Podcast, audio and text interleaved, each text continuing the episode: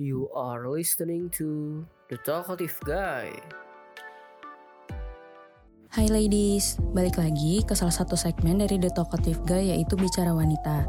Aku Karina dan hari ini aku akan membahas mengenai body positivity.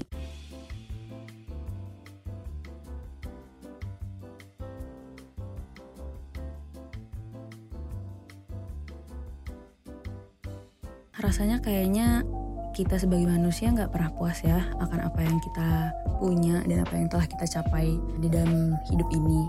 Kayak kita bisa ngeliat nih ada yang badannya gemuk pengen kurus dan akhirnya diet. Udah kurus, eh dia pengen badannya lebih berisi. Terus ada lagi yang merubah hidung agar melihat mancung dengan bantuan medis demi mendapatkan predikat cantik yang dibuat oleh masyarakat itu sendiri. Kira-kira kenapa ya kita sebagai manusia tuh belum puas juga Padahal setiap manusia itu diciptakan dengan sebaik-baiknya oleh Tuhan. Tetapi mengapa ya? Kayak kita masih nggak bersyukur. Yang kamu butuhin sebenarnya adalah mencintai dan menerima tubuhmu yang apa adanya. Nah, salah satu bentuknya adalah dengan mencintai diri sendiri, kita bisa menerima bahwa dengan segala kekurangan dan kelebihan kita, kita mencintai diri kita sendiri. Tapi jangan salah, body positivity itu juga salah satu bentuk self love bahwa apa yang kita punya dan apa yang kita rasain sebagai seorang manusia itu adalah wajar dengan segala kekurangannya. Nah, body positivity itu merupakan sebuah istilah untuk mendobrak standar ideal kecantikan yang telah diciptakan oleh masyarakat itu sendiri. Kayak sebenarnya siapa coba yang membuat sebuah standar kecantikan kalau cantik itu harus putih dengan hidung yang mancung. Mungkin kalau misalnya bisa kita lihat benang merahnya, mungkin itu banyak banget ya sejarahnya dan pasti itu bakal panjang banget untuk membahasnya. Tapi kalau menurutku sejarahnya itu salah satunya adalah kolonialisme sih.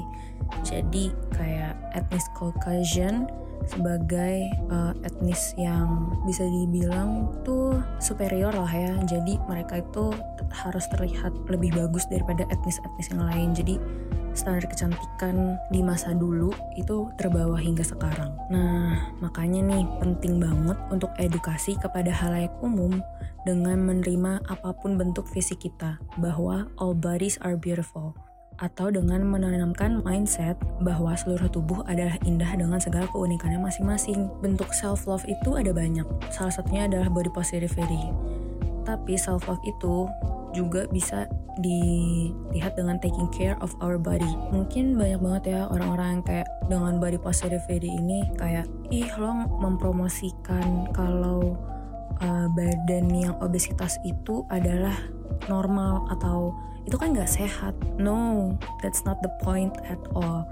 Kita di sini mau mendobrak lah ya atau mengedukasikan gitu masyarakat kalau that's okay gitu. itu bukan sebuah sesuatu yang harus dijadikan apa ya membuat orang jadi nggak percaya diri atau gimana gitu jadi itu bukan sesuatu yang harus bisa dipakai sama orang untuk menjatuhkan orang lain kalau menurutku sih seperti itu ya. Tapi itu balik lagi ke masing-masing. Kalian kan pasti punya caranya sendiri nih ladies untuk mengartikan bentuk self love dan body positivity yang ada di mind kalian yang ada di pikiran kalian. Nah menanamkan kecintaan dengan diri sendiri dan body positivity pastinya emang susah gampang sih. Apalagi dengan hidup di zaman digital seperti ini yang masih menerapkan standar ideal kecantikan itu perempuan itu harus putih, tinggi, hidung mancung dan lain-lain sebagainya. Tapi kalau kayak gitu jadinya malah kayak kita membanding-bandingkan diri sendiri gak sih sama apa yang dianggap ideal oleh masyarakat? Dan itu tuh gak sehat untuk mental kita. Jadi kalau menurutku kayak you do you. What makes you happy you do it if it don't then don't do it. Dengan body positivity berarti kita juga harus berkomitmen nih. Kalau kita akan memperlakukan tubuh kita dengan sebaik-baiknya dengan rasa hormat dan bersyukur atas apa yang telah diberikan oleh Tuhan dan apa yang kita miliki nih sekarang seperti misalnya konsumsi makanan sehat, taking care of our bodies, nggak selalu harus olahraga kok, but it is one of the important things sih kalau kita mau taking care of our body.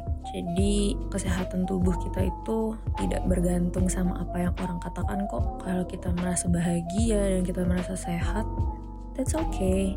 You do you, do what makes you happy and what makes you feel right. Dan selama tidak merugikan orang lain, I think that's okay too. Nah, jadi untuk ladies sekalian nih yang lagi mendengar ini, kesimpulannya pada kesempatan kali ini adalah you do you. Kalau tidak merugikan orang lain, that's alright. Do it. If it don't makes you happy, then don't do it. Dan jangan deh kita tanda kutip mengurusi hidup orang lain kita nggak pernah tahu apa yang mereka sedang jalani, apa yang sedang mereka rasakan. Jadi put your opinions in place. Jadi kayak pada tempatnya gitu. Kalau tidak diminta ya jangan. Nah, sekian dari aku. Semoga kalian semua bisa dapat manfaat dari pembahasan aku tadi ya.